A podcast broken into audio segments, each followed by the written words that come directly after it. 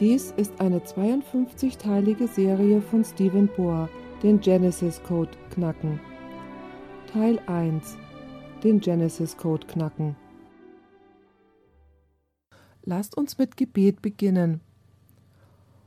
Unser Vater, wenn wir nun das Buch 1. Mose öffnen, bitten wir dich um Führung aus der Höhe. Zeig uns die wundersamen Dinge in diesem Buch. Wir bitten dies in dem wertvollen Namen Jesu unseres Herrn und Heilandes. Amen. Das Buch 1. Mose ist ein Buch der Herkunft. In der Tat bedeutet der Name Genesis oder 1. Mose genau das, Herkunft oder Ursprung. Erlaubt mir die Dinge zu erwähnen, wenn wir nun unser Studium beginnen, die das Buch 1. Mose als Ursprung erwähnt. Zuerst einmal haben wir den Ursprung des Weltalls. Das ist der Himmel und die Erde aus 1. Mose 1, Vers 1. Wir haben den Ursprung der Pflanzen, von denen im 1. Mose 1 gesprochen wird. Wir haben den Ursprung der Tiere und des Mannes und den der Frau. Wir haben den Ursprung der Sünde und den Beginn oder dies sind nur einige der Ursprünge, die wir im 1. Mose finden. Nun, das Buch von 1. Mose ist sehr wichtig, weil es ganz zurück in die vorgeschichtliche Zeit geht, wie wir sie kennen, um den Ursprung all dessen zu beschreiben, was auf der Welt existiert. Ich möchte euch nun ein bisschen von der Zeitachse von 1. Mose geben. Das Buch 1. Mose beschreibt die ersten 2500 Jahre der menschlichen Geschichte. Ich glaube, nachdem ich den Inhalt des Buches untersucht habe, dass es von Mose geschrieben worden ist und dass es ungefähr 1500 Jahre vor der Geburt Jesu geschrieben wurde. Und so könnt ihr euch vorstellen, dass das Buch 1. Mose Ereignisse beschreibt, die sich ungefähr im Jahr 4000 vor Christus zugetragen haben. Das Buch 1. Mose gibt eine kurze zeitliche Abfolge des Planeten Erde. In anderen Worten, es räumt keine langen Zeitabschnitte über Millionen von Jahren ein, wo Gott geschaffen hat und was als fortschreitende Schöpfungslehre bekannt ist. Das Buch 1. Mose lehrt, dass dieser Planet ungefähr 6000 Jahre alt ist, also von dem Zeitpunkt an, wo Gott begann, auf ihm etwas zu erschaffen. Und ich möchte euch gerade heraussagen, also gleich zu Anfang, dass ich das Buch 1. Mose in diesem Seminar als buchstäbliche Geschichte ansehe. Ich glaube, dass es einen kleinen Zeitabschnitt für die Ereignisse darstellt, die darin beschrieben sind. In anderen Worten, wir brauchen nicht Millionen von Jahren zurückgehen, um den Ursprung dieser Welt herauszufinden. Alles, was wir machen müssen, ist ungefähr 6000 Jahre zurückgehen, um die Ereignisse herauszufinden, die zum Beispiel in 1. und 2. Mose beschrieben werden. Das Buch 1. Mose ist sozusagen das Beet für die Samen der Bibel. Ich möchte euch erklären, was ich meine. Eines meiner Lieblingsnationalparks in den ganzen Vereinigten Staaten ist der, den wir hier auf dem Berg haben, den Sequoia National Park. Ich liebe es, dort hinaufzugehen und einfach abzuschalten und die Seele für einen ganzen Tag baumeln zu lassen. Frische Luft zu schnappen und das ganz besonders, wenn es hier im Tal neblig ist. Und ich gehe zum Beispiel gerne zu dem Gong Tree und dem General Sherman Tree, um einfach nur dort unter diesen Bäumen zu stehen. Es ist so überwältigend. Einige von ihnen sind fast 3000 Jahre alt. Könnt ihr euch einen Baum vorstellen, der so alt ist? Dieser Mammutbaum ist 84 Meter hoch und hat einen Durchmesser von 11 Metern und jedes Mal, wenn ich dorthin gehe, stehe ich voller Staunen unter diesen Bäumen und sehe, wie dick sie sind und wie weit nach oben sie gehen, und ich bin einfach nur überwältigt. Aber habt ihr jemals innegehalten, um darüber nachzudenken, dass der mächtige Sequoia, zum Beispiel der General Sherman Tree, eigentlich aus einem kleinen Samen hervorgekommen ist? Habt ihr euch jemals darüber Gedanken gemacht, dass dieser ganz riesige Baum, der dort oben im Sequoia Nationalpark steht, eigentlich in Form eines Codes sozusagen, in einem kleinen Samen eingeschlossen war und er nach fast 3000 Jahren so einen gigantischen Baum hervorgebracht hat? In anderen Worten, der Sequoia Tree war in diesem Samen enthalten. Das ist die Beziehung zwischen dem Buch 1. Mose und dem Rest der Bibel. Das Buch 1. Mose hat die Samen und der Rest der Bibel ist die Entwicklung und das Wachstum dieser Samen. Und schließlich erreicht es den Höhepunkt oder die Erfüllung in dem Buch der Offenbarung. In anderen Worten, wir bleiben in diesem Seminar nicht im Buch 1. Mose stehen. Wir werden damit jeden Vortrag beginnen und dann werden wir diese Samen untersuchen. Und dann, und dann, dann und dann, dann. Und dann werden wir sehen, wie sich diese Samen durch die ganze Bibel hindurch entfalten.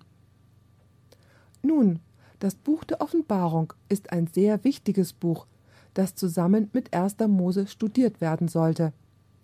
Dieses Seminar dreht sich also nicht nur um das Buch 1. Mose allein. Es geht auch um das Buch der Offenbarung. Wisst ihr, ich glaube, dass wir das Buch der Offenbarung nicht verstehen können, wenn wir das Buch 1. Mose nicht verstehen. Wir können das Ende nicht verstehen, wenn wir nicht zuallererst den Anfang verstehen. Denn das Ende ist ganz einfach der Höhepunkt eines Vorganges, der ganz weit zurück in 1. Mose begonnen hat. Ich möchte euch ein Beispiel von der Beziehung zwischen 1. Mose und der Offenbarung geben. Wir werden all diese Dinge später noch ausführlicher studieren, aber ich möchte euch ein paar Beispiele geben, so dass ihr sehen könnt, wie wichtig es für uns ist, 1. Mose und die Offenbarung zu vergleichen und zu verbinden. Geht mit mir in euren Bibeln zu 1. Mose 3, Vers 15. Dies ist direkt nach dem Sündenfall. Und ich möchte, dass ihr beachtet, wie es hier heißt. Und Gott spricht. Und ich will Feindschaft setzen zwischen dir, das ist die Schlange, und der Frau und zwischen deinem Nachkommen und ihrem Nachkommen. Lasst uns da innehalten. Wir haben vier Elemente in dem, was wir in diesem Vers bis jetzt gelesen haben. Zum ersten gibt es Feindschaft oder Krieg. Zweitens gibt es eine Schlange, zu der Gott in diesem Vers spricht. Und drittens haben wir eine Frau, denn es gibt Krieg zwischen der Schlange und der Frau. Und an vierter Stelle haben wir den Samen. Nun, wir haben eigentlich zwei Samen, den Samen der Schlange und den Samen der Frau. Somit haben wir nun diese vier Elemente Feindschaft, Schlange, Frau und Same. Und ich möchte, dass ihr beachtet, dass die Feindschaft zwischen der Schlange und der Frau ist, also zwischen dem Samen der Schlange und dem Samen der Frau und zwischen dem Samen der Frau und der Schlange. So lasst uns den Vers noch einmal anschauen. Gott sagt, Und ich will Feindschaft setzen zwischen dir, die Schlange und die Frau. Das ist der erste Feind, Schlange und Frau. Zwischen deinem Nachkommen, das ist der Same der Schlange, und ihrem Nachkommen. So gibt es nun Feindschaft zwischen der Schlange und der Frau und Same und Same. Und das ist nicht die eigentliche Auseinandersetzung, obwohl es eine Auseinandersetzung ist.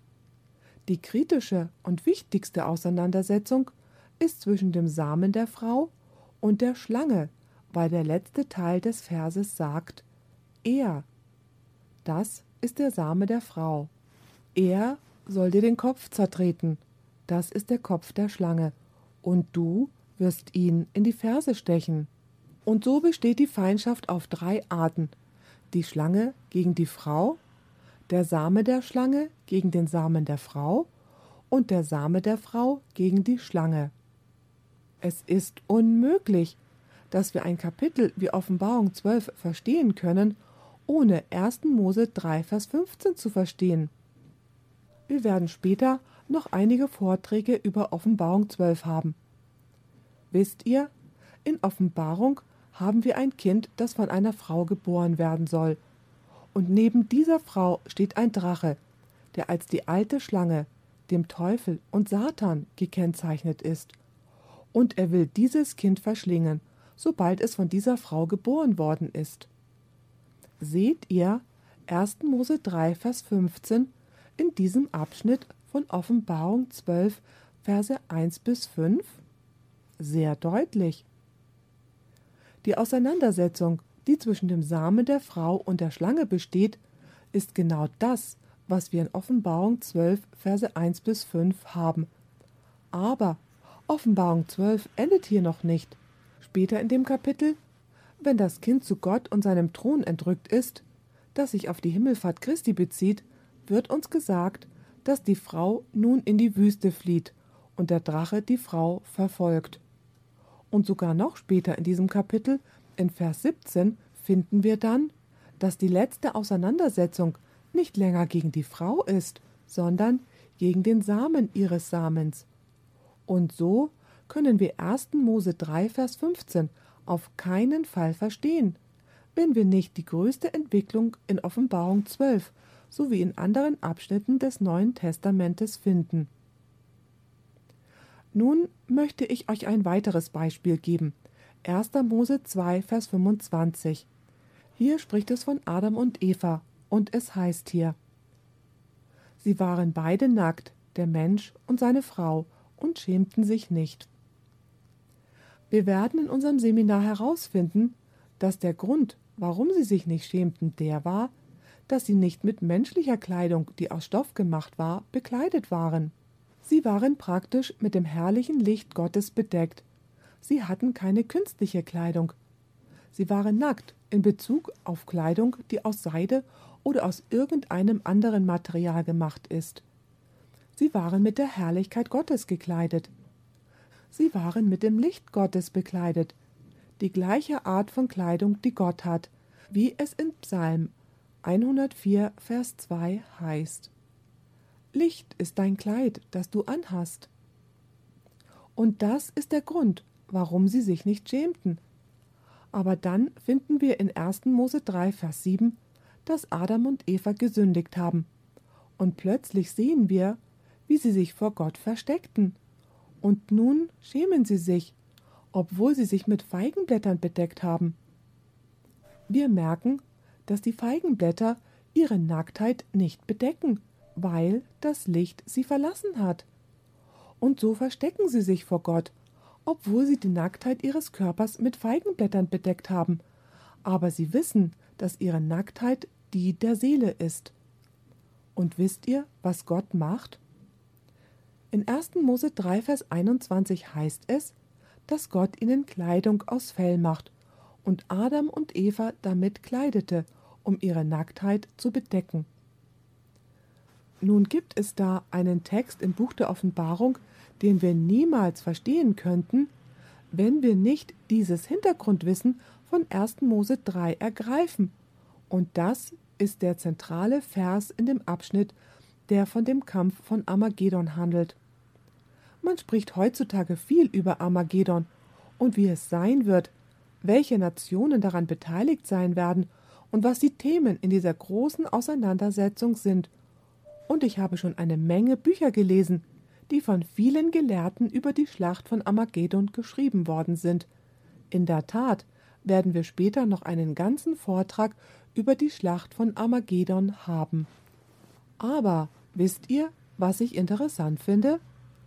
Die meisten Kommentare, einige ausgenommen, handeln von allerlei Themen, die mit der Schlacht von Armageddon zu tun haben. Sie sprechen zum Beispiel über die Könige des Ostens und sie sprechen davon, dass der Fluss Euphrat vertrocknen wird. Und sie sprechen von drei bösen Geistern, die wie Frösche aus dem Maul des Drachen kommen, dem Tier und dem falschen Propheten. Sie haben viel über all diese Dinge zu sagen, aber es gibt einen Vers, der sehr selten kommentiert wird, und der handelt vom Kernthema der Schlacht von Armageddon. Und dies zeigt, dass wir 1. Mose studieren müssen, um dies zu verstehen. Geht mit mir zur Offenbarung 16, Vers 15, genau in der Mitte von diesem Abschnitt, über die sechste Plage von Offenbarung. Dies ist die einzige Stelle, wo Jesus im Buch der Offenbarung zwischen dem Kapitel 3 und 21 selber spricht. Der einzige Vers. Wenn ihr eine Bibel mit roter Schrift habt, mit dem, was Jesus gesagt hat, dann werdet ihr sehen, dass die letzten Worte von Jesus in Kapitel 3 sind. Das nächste Mal, wo Jesus spricht, ist in Kapitel 21, mit Ausnahme von Offenbarung 16, Vers 15.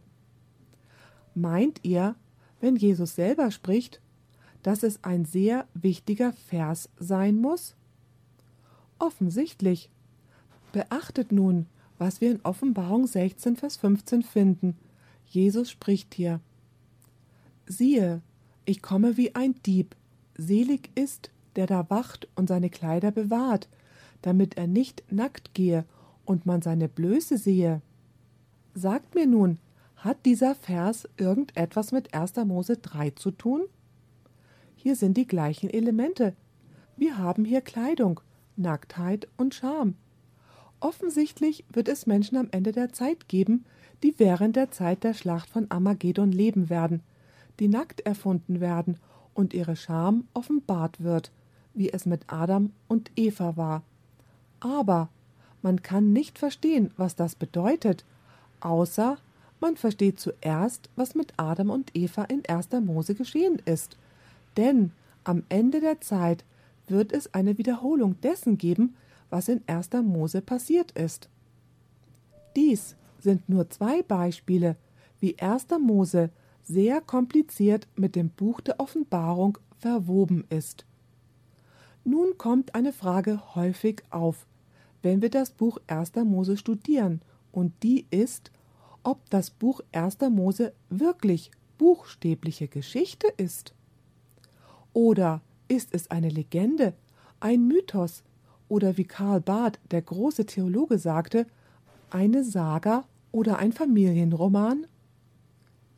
Ich möchte frei heraus sagen, dass ich glaube, dass das Buch 1. Mose von Vers 1 bis ganz zum Ende von Kapitel 50 von buchstäblichen geschichtlichen Ereignissen handelt. In der Tat wird es einige von euch überraschen, dass bis zum Zeitalter der Aufklärung im 18. Jahrhundert, wenn ihr also vor das 18. Jahrhundert zurückgeht, dann werdet ihr finden, dass praktisch jeder Gelehrte, der jemals etwas über das Buch 1. Mose geschrieben hat, glaubte, dass es tatsächliche buchstäbliche Geschichte war, die so stattgefunden hat. Aber im Zeitalter der Aufklärung kam die geschichtliche Kritik auf und es erschien auch die wissenschaftliche Methode, und somit fing man an, die wissenschaftliche Methode und die geschichtliche Kritik auf Gottes heiliges Wort anzuwenden, nebst dem, dass man es auf die natürliche Welt anwandte und auf Dokumente, die in der Antike geschrieben worden sind. Und aus diesem Grund kamen viele Gelehrte zu dem Schluss, dass das Buch 1. Mose, besonders die Kapitel 1 bis 11, nicht die wirkliche, buchstäbliche Geschichte beschreiben. Ich sah dieses Problem sehr deutlich, als ich vor einigen Jahren in Berrien Springs in Michigan gesprochen habe. Dort ist die Universität, an der ich zur Schule ging. Sie haben eine fantastische theologische Bücherei mit Hunderttausenden von Büchern. Ich musste nur am Abend sprechen. So habe ich die Tageszeit dazu genutzt, für acht bis neun Stunden in die Bücherei zu gehen, um dort Nachforschungen für diese Serie über das Buch Erster Mose zu betreiben und so habe ich die Kommentare untersucht, die über das Buch Erster Mose geschrieben worden sind. Und es gab da etwas, das mich echt umgehauen hat. Und das ist die Tatsache, dass die meisten Schreiber der Kommentare nicht wirklich an die Geschichte des Buches Ersten Mose geglaubt haben.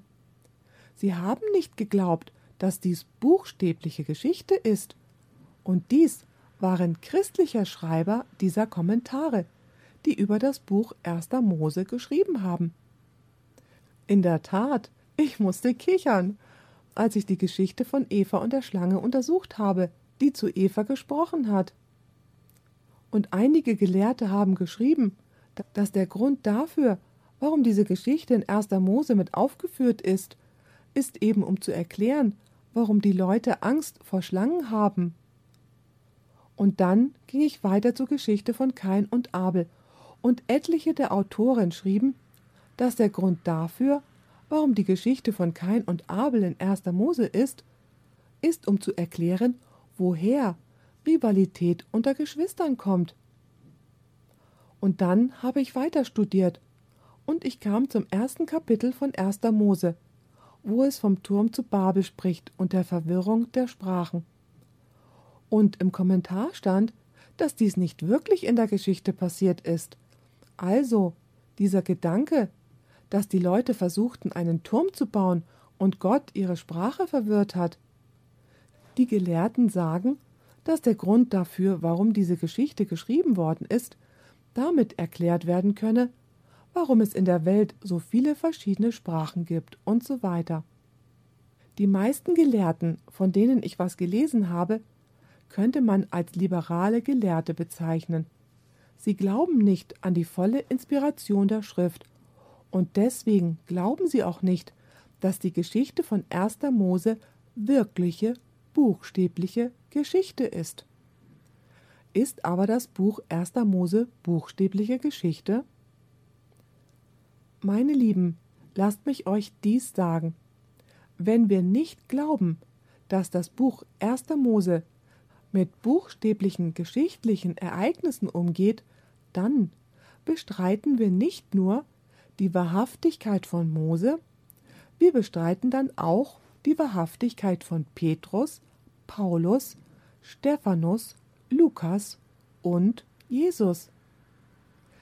Ist euch bewusst, dass jede einzelne Geschichte vom Buch 1. Mose ohne Ausnahme im Neuen Testament als buchstäbliche Geschichte von den Autoren im Neuen Testament wiederholt wird? Viele von diesen Ereignissen aus 1. Mose werden von Jesus in den Evangelien erzählt. Lasst uns zum Beispiel Matthäus 19, Verse 4 bis 6 anschauen. Hier spricht Jesus vom Ursprung der Ehe. Und schaut, was wir dort finden. Jesus spricht hier. Er aber antwortete und sprach: Habt ihr nicht gelesen? Der im Anfang den Menschen erschaffen hat, schuf sie als Mann und Frau und sprach: Darum wird ein Mann Vater und Mutter verlassen und seiner Frau anhängen, und die zwei werden ein Fleisch sein. So sind sie nun nicht mehr zwei, sondern ein Fleisch. Was nun Gott zusammengefügt hat, das soll der Mensch nicht scheiden. Frage. Hat Jesus geglaubt, dass es eine buchstäbliche Ehe zwischen Adam und Eva ursprünglich in 1. Mose gab? Das hat er ganz gewiss getan. Und wenn ihr sagt, dass diese Geschichte ein Mythos, eine Legende oder eine Saga ist, dann bestreitet ihr nicht nur die Wahrhaftigkeit von Mose, dann stellt ihr die Wahrhaftigkeit unseres Herrn und Heilandes Jesu Christi in Frage beachtet auch Matthäus 24, Verse 37 bis 39. Nur ein paar Beispiele hier. Dies spricht von der Flut in den Tagen Noahs. Denn, wie es in den Tagen Noahs war, so wird auch sein das Kommen des Menschensohns. Denn, wie sie waren in den Tagen vor der Sintflut, sie aßen, sie tranken, sie heirateten und ließen sich heiraten, bis an den Tag, an dem Noah in die Arche hineinging. Und sie beachteten es nicht, bis die Sintflut kam und raffte sie alle dahin. So wird es auch sein beim Kommen des Menschensohns. Hat Jesus geglaubt, dass die Flut in den Tagen Noahs tatsächlich geschichtlich stattgefunden hat? Ja, das hat er. Und im Übrigen, wenn ihr nicht glaubt, dass die Flut geschichtlich stattgefunden hat, dann habt ihr keinerlei Fundament zu glauben, dass Jesus die Wahrheit spricht, wenn er sagt, dass er wiederkommen wird. Denn er sagt, wie es damals war, so wird es wieder sein. Aber wenn das damals nicht gewesen ist, wie könnt ihr dann denken, dass das, was er für die Zukunft vorhergesagt hat, eintreten würde? Lasst uns noch ein paar Beispiele betrachten. 1. Johannes 3, Vers 12. Wie ihr gesehen habt, benutzen wir die Bibel sehr viel und wir werden sie in unseren zukünftigen Vorträgen in diesem Seminar sehr oft lesen. Nun beachtet 1. Johannes 3, Vers 12. Es heißt hier: Nicht wie Kain, der von dem Bösen stammte und seinen Bruder umbrachte. Und warum brachte er ihn um? Weil seine Werke böse waren und die seines Bruders gerecht. Frage: Hat der Apostel Paulus, der ersten Johannes geschrieben hat, geglaubt, dass die Geschichte von Kain und Abel buchstäbliche Geschichte war? Natürlich hat er das getan, denn es wird uns hier gesagt, dass Kain seinen Bruder Abel getötet hat. So hat Johannes also dieses geschichtliche Ereignis geglaubt. Lasst uns nun ein anderes Beispiel anschauen. Hebräer 12, Vers 5. Hier finden wir eine interessante Person, die erwähnt wird. Eigentlich wird er in der Schrift nicht häufig erwähnt, die Bibel erzählt uns, dass er in den Himmel aufgenommen worden ist. In der Tat hat er gemäß 1. Mose 5 verglichen mit Hebräer 11 nie den Tod erlitten. Er hieß Henoch. Nun lest mit mir Hebräer 11, Vers 5. Durch den Glauben wurde Henoch entrückt, damit er den Tod nicht sehe, und wurde nicht mehr gefunden, weil Gott ihn entrückt hatte denn vor seiner Entrückung ist ihm bezeugt worden, dass er Gott gefallen habe. Nun möchte ich euch fragen, hat der Schreiber vom Hebräerbrief geglaubt, dass Henoch eine wirkliche geschichtliche Person war? Ja, ganz gewiss. Und übrigens glaube ich, dass der Autor des Hebräerbriefes der Apostel Paulus gewesen ist. Ich glaube, dass es eine Menge Beweise dafür in der Bibel selber gibt. Lasst uns jetzt ein weiteres Beispiel betrachten. Und im Übrigen, in den Unterlagen, die ihr für diesen Vortrag erhalten habt, habt ihr eine halbe Seite von Quellenangaben des Neuen Testamentes von jedem Ereignis und jeder Person im Buch 1. Mose. Ihr habt da Abraham, Isaak, Jakob, Josef und die zwölf Söhne von Jakob. Ich meine, ihr habt jedes einzelne Ereignis des Buches 1. Mose das irgendwo im Neuen Testament wiederholt wird. So lasst uns nun Lukas 3 aufschlagen. Das wird das letzte Beispiel sein, das ich über die Wichtigkeit, dass man der Geschichtlichkeit des Buches 1. Mose glauben sollte, geben werde. Lukas 3 enthält die Ahnentafel von Jesus Christus und wir werden daraus nur zwei Verse lesen. Vers 23 und 38. So heißt es in Vers 23. Und Jesus war, als er auftrat, etwa 30 Jahre alt und wurde gehalten für einen Sohn Josefs, der war ein Sohn Elis. Und dann geht es weiter mit der Ahnentafel. Der war ein Sohn, der war ein Sohn, der war ein Sohn. Und die Liste endet dann in Vers 38 mit den folgenden Worten. Der war ein Sohn des Enosch, der war ein Sohn des Seths, der war ein Sohn Adams, der war Gottes. Glaubt ihr, dass Jesus eine buchstäbliche, geschichtliche Persönlichkeit war? Denkt ihr, dass Jesus in der Geschichte existiert hat? Nun, wir haben Beweise von weltlichen Geschichtsschreibern, dass Jesus existiert hat. Nun seht ihr, dass die Ahnentafel mit Jesus beginnt und mit wem endet? Sie endet mit Adam. War Jesus eine buchstäbliche, geschichtliche Person? Das war er ganz gewiss. Nun, muss dann auch Adam eine buchstäbliche, geschichtliche Person gewesen sein? Offensichtlich ja. Es geht ja nicht auf die eine Art und Weise mit Adam und auf eine andere Weise mit Jesus. Wenn Jesus eine geschichtliche Person gewesen ist, so war es auch Adam. Und im Übrigen, Ihr seht in dieser Ahnentafel, dass die Wurzeln Jesu ganz zurück bis Adam verfolgt werden können.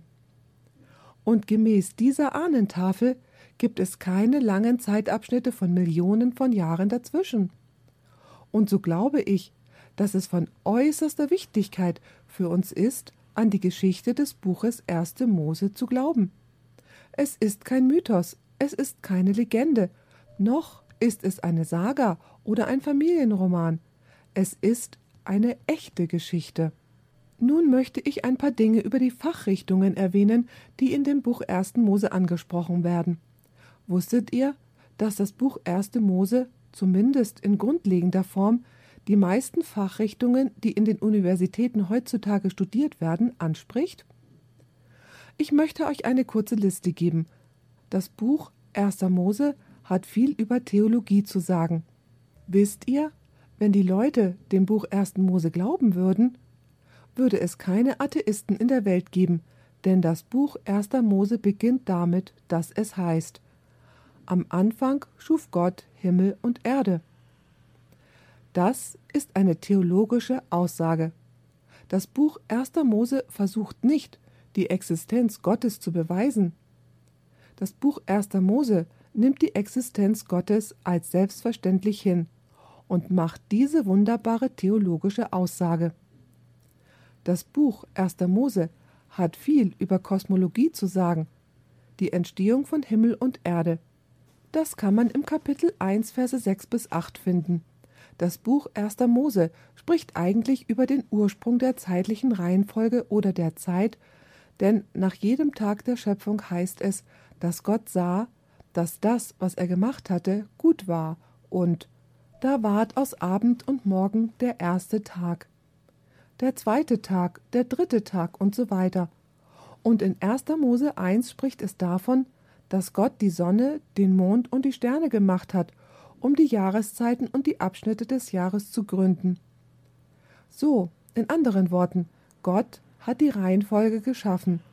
Er hat Tage, Monate und Jahre als Rahmen für den Bezug der Zeit auf dieser Erde geschaffen. Man kann im Buch 1. Mose auch den Ursprung der Erdkunde finden, woher das trockene Land kam. Wisst ihr, es wird uns in 1. Mose 1, Vers 2 gesagt, dass die Erde vor der Schöpfung ganz und gar mit Wasser bedeckt war. Aber Gott war derjenige, der die Erde gemacht hat. Erdkunde. Das Buch 1. Mose spricht auch das Thema der Pflanzenkunde an. Es heißt dort, dass sich jede Pflanze gemäß ihrer eigenen Art fortpflanzt, und das bewahrt sich bis auf den heutigen Tag. Jede Pflanze bringt immer wieder die gleiche Art hervor. Somit hat das Buch 1. Mose uns etwas über den Ursprung der Bäume und Pflanzen und dem Gras zu sagen. Und es spricht auch von der Tierkunde. Und im Übrigen geht eindeutig hervor, dass alle Tiere als erwachsene Tiere geschaffen worden sind – Sie wurden alle am fünften und sechsten Tag als erwachsene Tiere erschaffen. Sie entwickelten gemäß dem Buch 1. Mose sich nicht über Millionen von Jahren hinweg. Gott sprach, und am fünften Tag erschienen die Vögel und die Fische. Gott sprach, und am sechsten Tag erschienen die Landtiere. Somit zeigt das Buch 1. Mose, dass der Mensch nicht das Endprodukt eines langen Entwicklungsvorgangs ist, indem wir von Primaten oder einer Unterklasse der höheren Säugetiere oder Lebensform abstammen. Das Buch 1. Mose sagt einfach, klar und direkt, dass Gott sprach und die Dinge entstanden sind. Und somit handelt das Buch 1. Mose von der Tierkunde und dass sich jedes Tier nach seiner Art fortpflanzt. Das ist auch eine wissenschaftlich wahre Aussage. Das Buch 1. Mose hat viel über Menschenkunde zu sagen. In der Tat spricht es von dem Ursprung von Mann und Frau. Und es spricht davon, wie Adam aus der Erde genommen worden ist. Und übrigens glaube ich, dass das eine buchstäbliche Geschichte ist, dass Gott Lehm genommen und Adam daraus geformt hat. Und dann nahm er eine Rippe von Adam und hat Eva daraus gemacht. Ihr sagt vielleicht, nun, das ist irgendwie unwissenschaftlich. Naja, Tatsache ist, dass es zu dieser Zeit noch keine Wissenschaftler gab. Und wenn wir Gottes Wort Glauben schenken, Glaube bedeutet, Glauben zu haben und dem zu vertrauen, was Gott sagt, dann haben wir überhaupt kein Problem mit der Geschichte. Das Buch 1. Mose hat viel über Gesellschaftswissenschaft zu sagen. Warum heiratet eine Frau einen Mann? Warum haben sie Kinder? Warum gab es kürzlich diese große Erregung, dass zwei Männer und auch zwei Frauen geheiratet haben? Weil es ganz im Gegensatz zu dem steht, was im Buch 1. Mose steht. Gott hat den vollkommenen gesellschaftlichen Kreis gegründet. Er hat die Ehe gegründet, die Ehe zwischen einem Mann und einer Frau, um Kinder in einer Familieneinheit zu haben.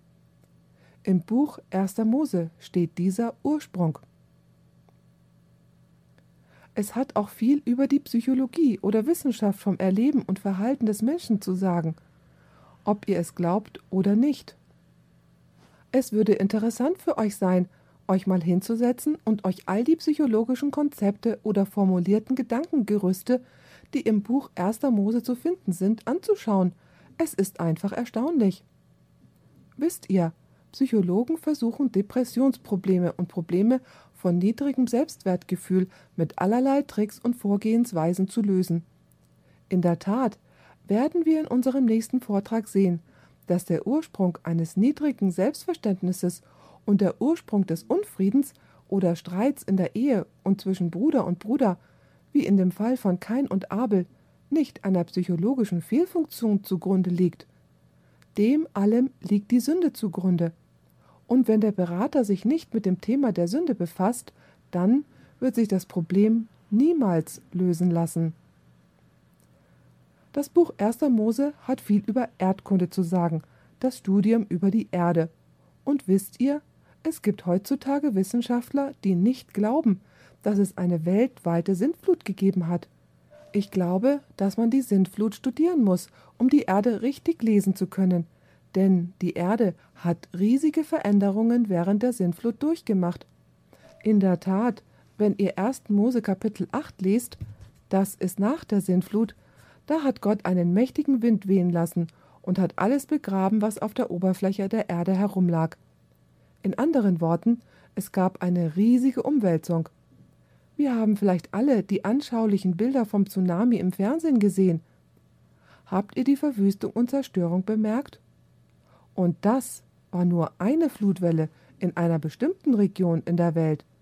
Könnt ihr euch vorstellen, wie es wohl gewesen sein mag, als die ganze Welt mit Wasser bedeckt war, ausgelöst durch einen riesigen Sturm, der 40 Tage und 40 Nächte gedauert hat? den die Bibel beschreibt, dass riesige Wasserfontänen nur so aus der Erde herausschossen, und die Fenster des Himmels waren geöffnet. Die Erde war in einem riesigen Aufruhr. Kein Wunder, dass die Wissenschaft die Erde nicht richtig lesen kann, weil sie ganz und gar nicht mehr so ist, wie sie zu Anfang war. Um also eine wahre Vorstellung der Erdkunde zu bekommen, müssen wir uns auf das Buch 1. Mose beziehen. Das Buch 1. Mose spricht auch das Thema der Sprachwissenschaft an. Es sagt uns, woher die Sprachen kommen. Es hat auch eine Beschreibung von der Völkerkunde, dem Ursprung der Nationen. In der Tat gibt es in 1. Mose Kapitel 10 eine Liste der Nationen, die den Ursprung aller Nationen beschreibt, die jemals auf dem Planeten Erde existiert haben. Und das Buch 1. Mose spricht auch einige sehr wichtige, lebenswichtige Fragen an. Wir werden uns mit all diesen Themen im Laufe des Seminars befassen. Wie bin ich hierher gekommen? Warum bin ich hier? Gibt es wirklich einen Gott, der mich liebt? Wisst ihr, es gibt viele Menschen, die nach dem Tsunami gesagt haben, wenn es einen Gott gibt, der so etwas zulässt, dann will ich noch nicht einmal an so einen Gott glauben. Wenn so ein Gott existiert, dann will ich ihm sicherlich nicht dienen. Die Frage ist, ist Gott gut? Wir werden einen ganzen Vortrag darüber haben, in dem wir den Widerspruch von Gut und Böse entschlüsseln. Wir werden die Frage beantworten, wie kann ich persönlichen Frieden in einer Welt der Auseinandersetzungen erfahren? Heutzutage ist jeder nervös. Jeder ist besorgt darum, ob es einen weiteren Terroranschlag gibt. Es geht um die Staatssicherheit. Wie können wir unser Leben leben und persönlichen Frieden in all dem Tumult, der um uns herum ist, erfahren? Wie kann ich mich an qualitativer Zeit im Hamsterrad des Lebens erfreuen? Was geschieht im Moment, wenn ich sterbe? Wenn ich sterbe, werde ich dann wieder leben? Gibt es wirklich eine bessere Welt, die kommen wird? Gibt es so etwas wie absolute Wahrheit? Wie kann ich mich am Leben erfreuen, das mit Gesundheit und Wohlstand erfüllt ist? All diese Themen werden sehr vorsichtig im Buch 1. Mose angesprochen. Wusstet ihr, dass das Buch 1. Mose eigentlich die Geschichte von zwei Samen ist? Und wir werden diesen Gedanken der zwei Samen weiterentwickeln. Er beginnt in 1. Mose 3, Vers 15. Und ich will Feindschaft setzen zwischen dir und der Frau. Seht ihr die zwei Seiten hier? Die Schlange und die Frau. Und zwischen deinem Nachkommen und ihrem Nachkommen. Das ist zwischen dem Samen der Schlange und dem Samen der Frau. Er, der Same der Frau, soll dir den Kopf zertreten, und du wirst ihn in die Ferse stechen. Seht ihr den Kampf und die Auseinandersetzung zwischen der Schlange und der Frau, Same und Same, Same und Schlange?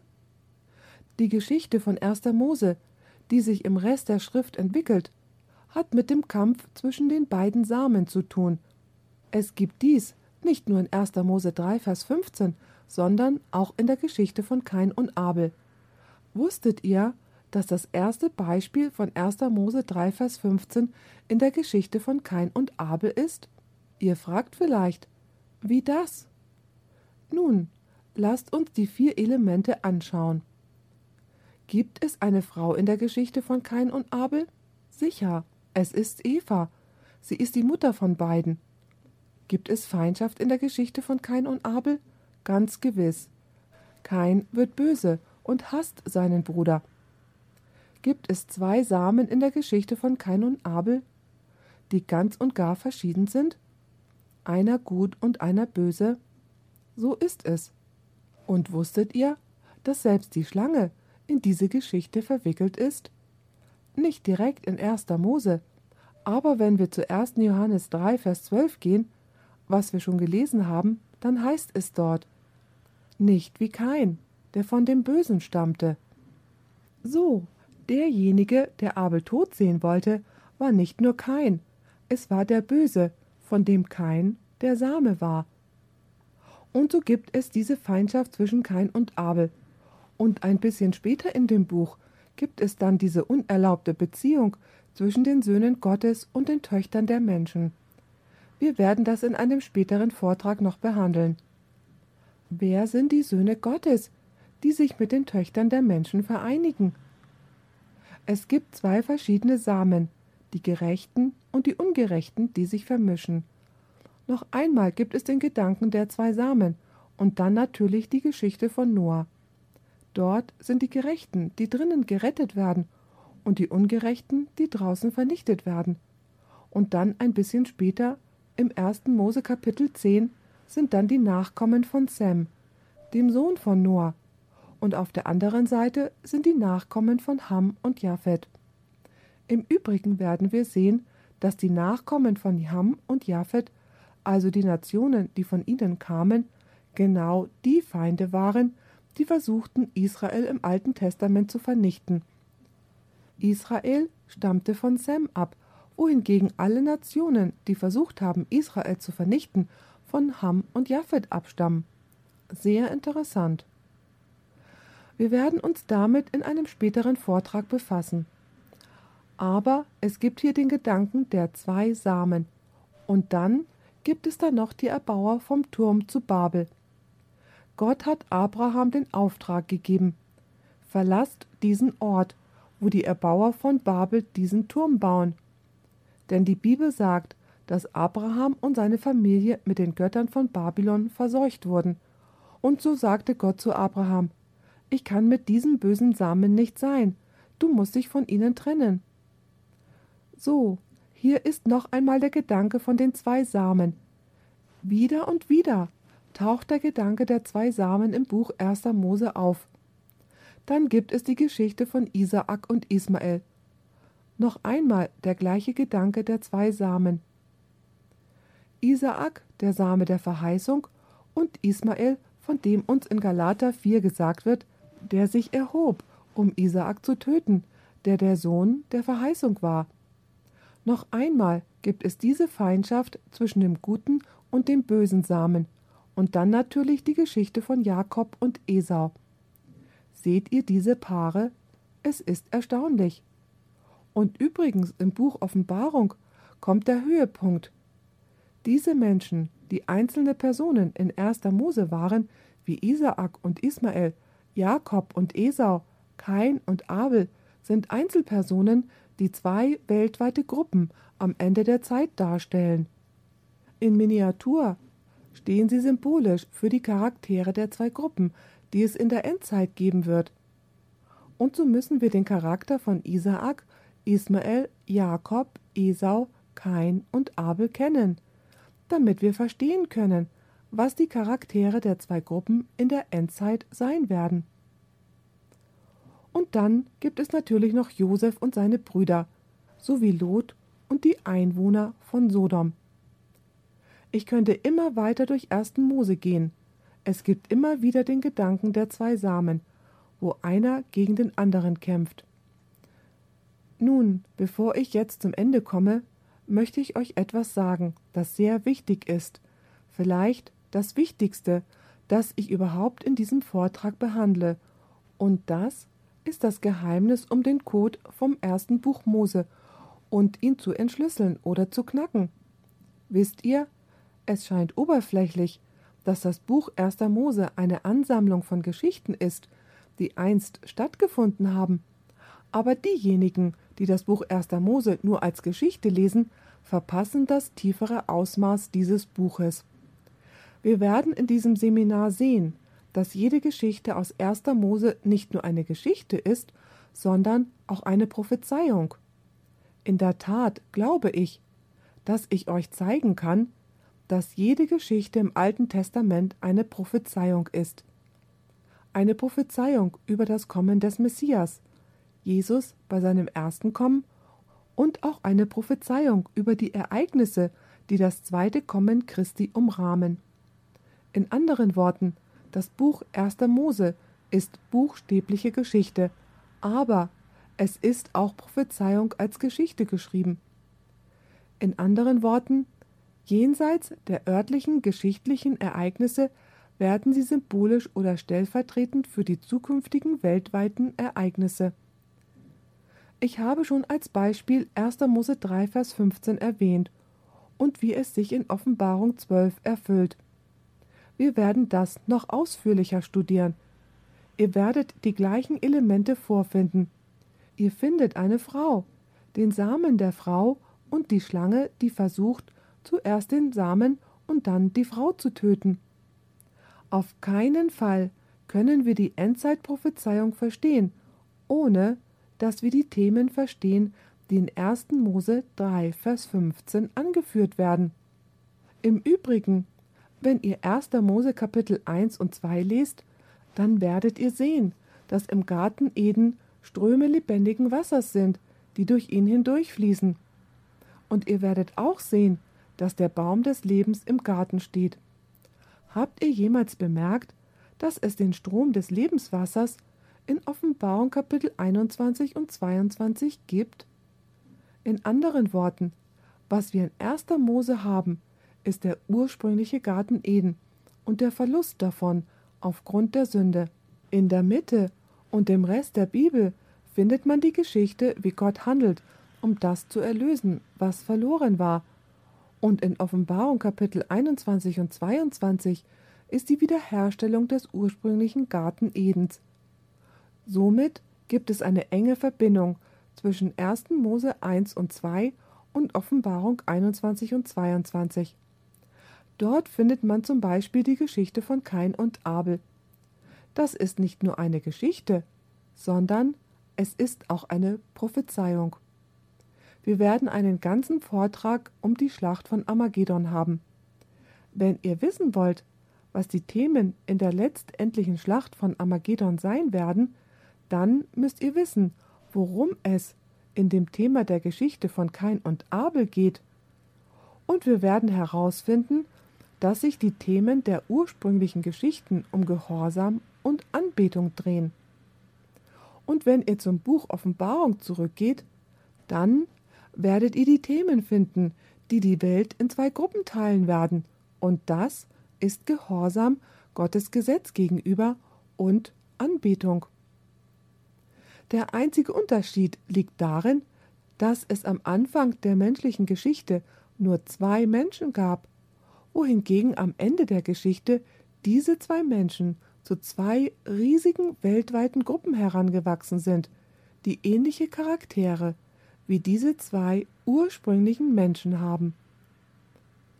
Jesus hat selber gesagt, dass die Geschichte der Sintflut nicht nur eine Geschichte gewesen ist, sondern eine Prophezeiung. Er sagte in Lukas 17, Vers 26, Wie es geschah zu den Zeiten Noahs, so wird's auch geschehen in den Tagen des Menschensohns.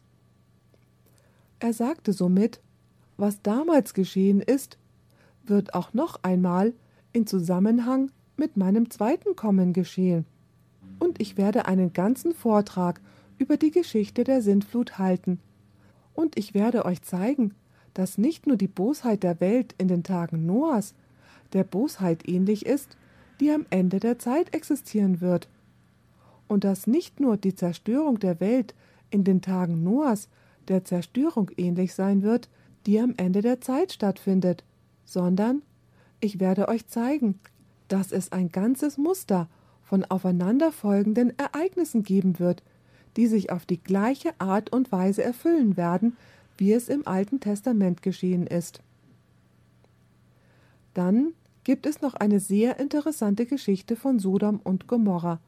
Wusstet ihr, dass Jesus auch gesagt hat, dass diese Geschichte eine Prophezeiung war?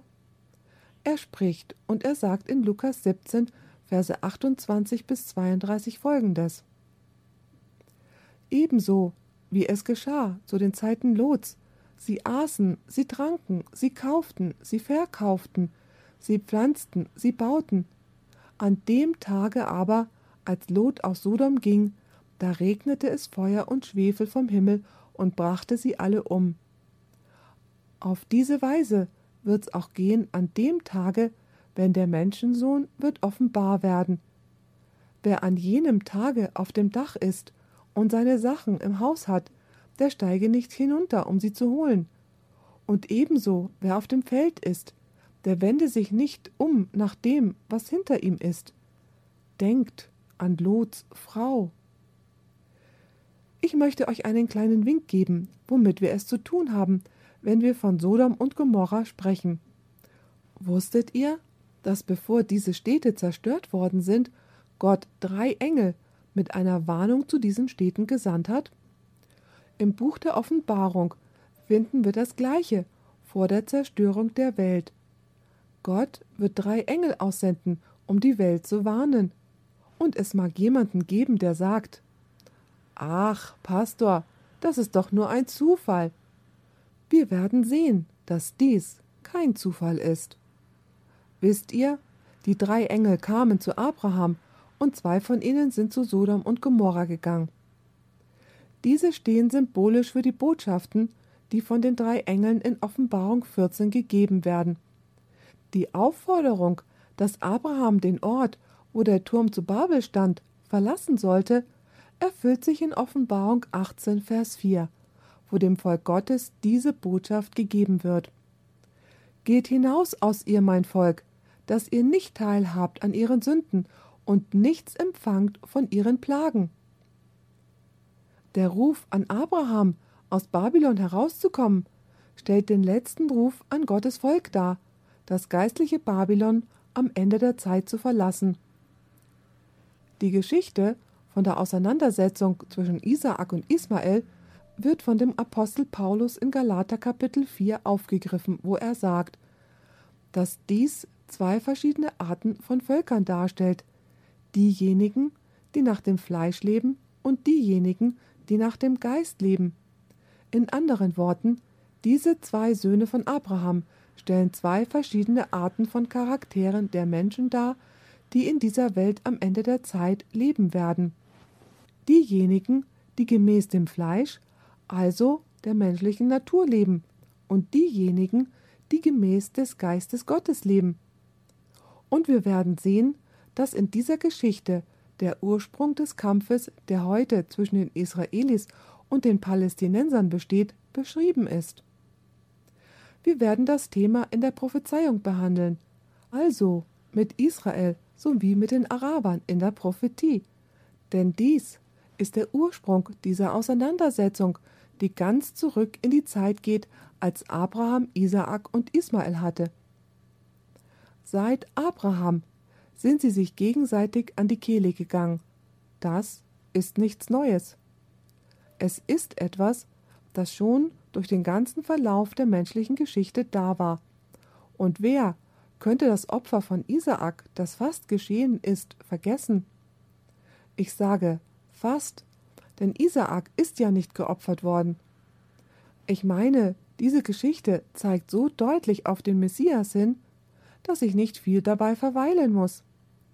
Gott hat zu Abraham in 1. Mose Kapitel 22 Vers 2 gesagt: Nimm Isaak, deinen einzigen Sohn, den du lieb hast, und geh hin in das Land Moria und opfere ihn dort zum Brandopfer auf einem Berge, den ich dir sagen werde. Und als Abraham kurz davor ist, dies zu tun, sagte eine Stimme zu ihm in Vers 12: Lege deine Hand nicht an den Knaben und tu ihm nichts. Und Abraham findet einen Witter, der sich in einer Hecke verfangen hatte, und er opferte diesen Witter anstelle seines Sohnes. Wusstet ihr, dass dies die Tatsache darstellt, dass Gott der Vater seinen Sohn Jesus in die Welt gesandt hat? Und er sandte ihn, um unsere Stelle einzunehmen. Er sandte ihn als das Lamm Gottes, das die Sünden der Welt wegnimmt. Und so gibt es noch viele Parallelen zwischen der Geschichte, die in den Tagen Abrahams stattfand, und dem Dienst Christi auf dieser Erde. Wer könnte die Geschichte von Jakobs Leiter vergessen? Nun, eigentlich ist es nicht Jakobs Leiter, es ist Gottes Leiter. In 1. Mose Kapitel 28 ist die Rede von einer Leiter, die auf der Erde steht und deren Spitze in den höchsten Himmel reicht. Was könnte das bedeuten? Nun, wir müssen da nicht raten, denn in Johannes 1, Vers 51 sagt Jesus: Wahrlich, wahrlich, ich sage euch, ihr werdet den Himmel offen sehen und die Engel Gottes hinauf und herabfahren über dem Menschensohn. Anders gesagt, die Leiter stellt Jesus Christus dar, die Füße der Leiter stellen sein Menschsein dar, sein Einssein mit uns und die Spitze der Leiter stellt die Tatsache dar, dass er Gott ist. Sie stellt seine Göttlichkeit oder Gottheit dar. In anderen Worten, der Einzige, der uns vor Gott vertreten kann, derjenige, der Mensch mit Mensch und Gott mit Gott ist. Er ist der Einzige, der Himmel und Erde überbrücken kann. So sagt Jesus selber, ich bin die Leiter. Die Leiter aus 1. Mose 28 ist tatsächlich eine Prophezeiung, nicht nur eine Geschichte. Wer könnte die Geschichte von Jakob und Esau vergessen? Dies ist eine symbolische Geschichte.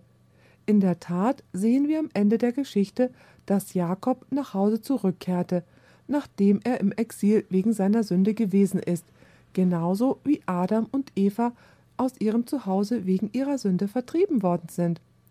Und nun kehrt er heim und hört, dass sein Bruder hinter ihm her ist, um ihn zu vernichten. Und Jakob macht eine Zeit durch, die als die Zeit der Angst in Jakob bekannt ist.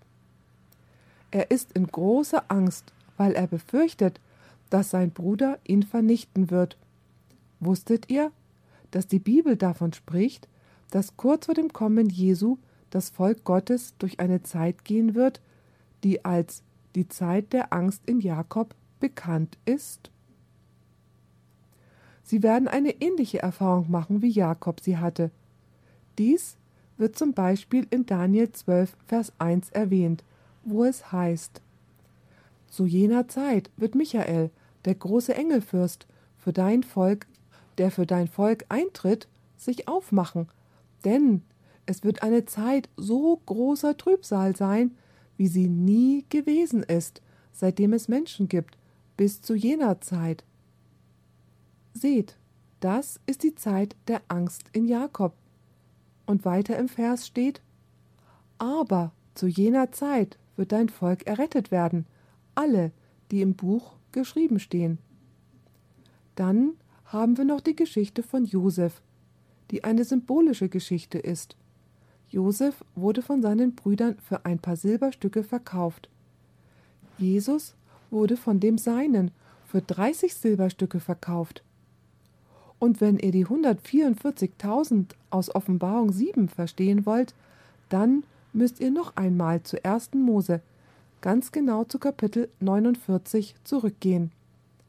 Dort gibt Jakob vor seinem Tod die Beschreibung des Charakters von jedem seiner Söhne, und diese formen das Fundament für uns, damit wir die Charaktere, also die zwölf Persönlichkeitstypen, die am Ende der Zeit existieren werden, verstehen. Das Buch 1. Mose ist ein prophetisches Buch. Es hat ein viel tieferes Ausmaß als nur reine Geschichte und wir werden versuchen, all diese Dinge in diesem Seminar zu entschlüsseln. Diese Aufnahme wurde von Audioverse präsentiert, eine Internetseite, die sich der Verbreitung des Wortes Gottes unter anderem durch kostenlose Predigtaufnahmen widmet. Für mehr Informationen über Audioverse und für weitere Predigten empfehlen wir unsere Internetseite www.audioverse.org.